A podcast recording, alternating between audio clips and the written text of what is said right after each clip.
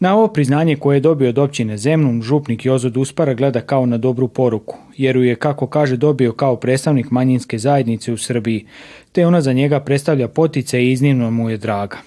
To je mene malo iznenadilo, a onda moram priznati bio sam zadovoljan s tim i sretan sam što, to, što se to dogodilo. I osjetio sam to kao jednu nagradu za moj dugogodišnji rad i život ovdje u ovom gradu.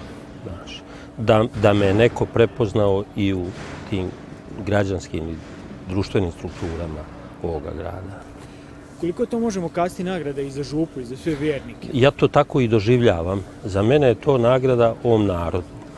Ja sam ipak vođa ove zajednice katoličke ovdje u, u Zemunu i njihov sam župnik i najbolje poznam situaciju i probleme i teškoće i radosne trenutke i mnogo ove zajednice koja živi i tako me i doživljavaju moji vjernici, odnosno moji župljani, pa i hrvatska zajednica da sam ja njihov predstavnik. Da sam njihov predstavnik. Tako da je to sigurno jedan, jedan, eh, jedna, jedan doprinos i uvažavanju ove zajednice koju ja predstavljam. Predstavnici gradske općine Zemin ističu da su ponosni što je župnik Duspara jedan od dobitnika ovogodišnjeg priznanja, te da imaju dobru suradnju sa župom uznesenja Blažene djevice Marije. Jedan od zaslužnih građana Zemuna je i prečasni Joza, Joza Duspara i tekako meni lično, a i, i nama svima u kolektivu drago što, što je on dobitnik ovogodišnje nagrade. E, komisija je jednoglasno donala takvu odluku.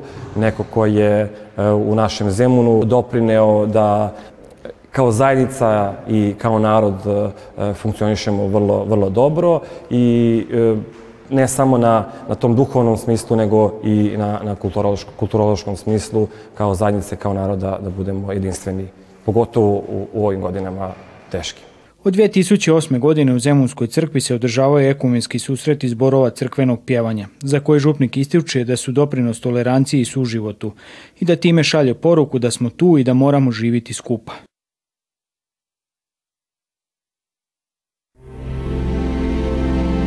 Gledate paletu. Izbor iz emisija na jezicima nacionalnih zajednica.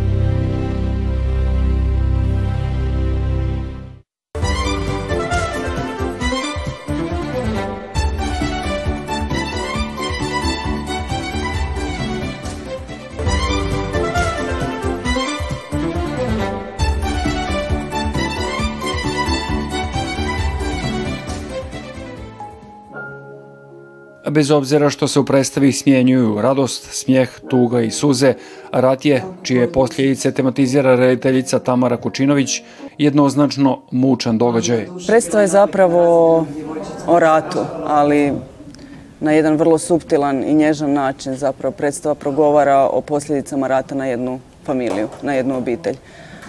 Zapravo progovara o tome kako rat utječe i kako razara zapravo obitelj posljedično. Radi se o tome da otac odlazi u rat, nema ga tri godine i po povratku zapravo se sve mijenja, on postaje drugi čovjek i na neki način razara sve što ima. Tamara Kučinović, hrvatska rediteljica.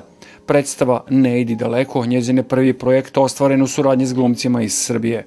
Ja sam igrao u ovoj predstavi sina i on je predstavljao nekog ko vodi kroz ovu porodičnu priču uživao sam koliko god da je bilo i momenta kada smo svi plakali, svi se smejali, jeli zajedno, uh, spavali zajedno i živeli smo kao, kao jedna jedinka. I to je nešto što sam doživeo na akademiji kao mi klasa, što smo bili jedna jedinka i to sam sada doživao i zbog toga sam presrećan.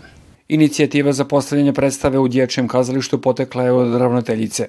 Ona objašnjava da kazališni komad svojim pristupom, temom i porukom od udara od uobičajenog repertoara njihove ustanove. To je jedan neki mali naš doprinos nekom miru sa željom da probudimo u ljudima empatiju, da probudimo neku svest, da probudimo da razmisle o tome šta nam se dešava i da nekako ne dozvolimo da nam drugi kroja sudbinu, nego da negde sami a imamo za to prilike i preuzmemo odgovornost za svoju budućnost. To je krenulo kao neka moja intimna priča. Naravno, ima vrlo mnogo detalja iz mog života, ali nisam htjela govoriti o, o, o ratu koji je bio u Hrvatskoj. Htjela sam govoriti o bilo kojem ratu. U bilo kojem periodu, bilo gdje na zemlji. A naravno da je poruka da sve mora da stane. Da svaki rat na kugli zemaljskoj mora da stane sada, ovog trenutka. Nakon premijernog izvođenja početkom listopada, predstava će biti igrana 6. studenog od 19.30 u Subotičkom dječjem kazalištu.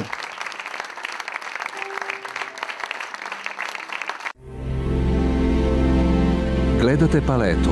Izbor iz emisija na jezicima nacionalnih zajednica.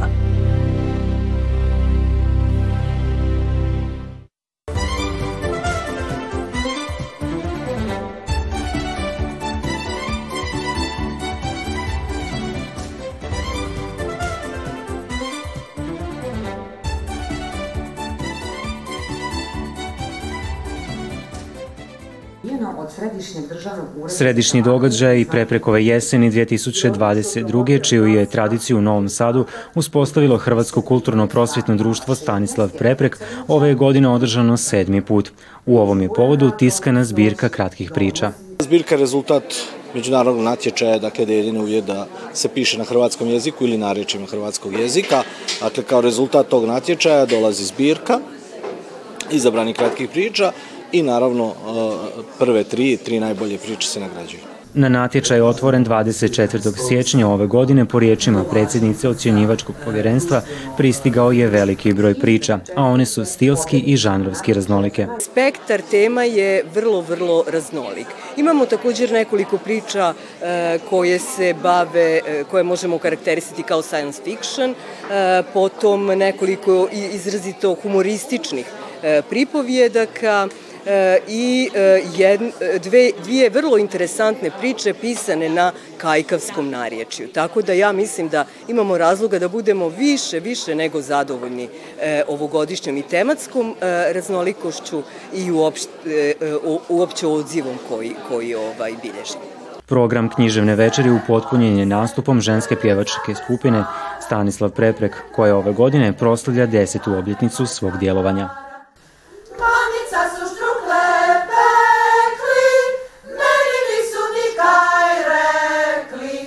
Od pristiglih priča izabrane su najbolje. Na trećem mjestu našla se priča Vidim sve u snovima Sanje Rotim. Drugo mjesto osvojila je priča Perice Vujića Mama zar opet plačeš, dok je kao najbolje plasirana priča Stjepana Crnića Mala šetnja.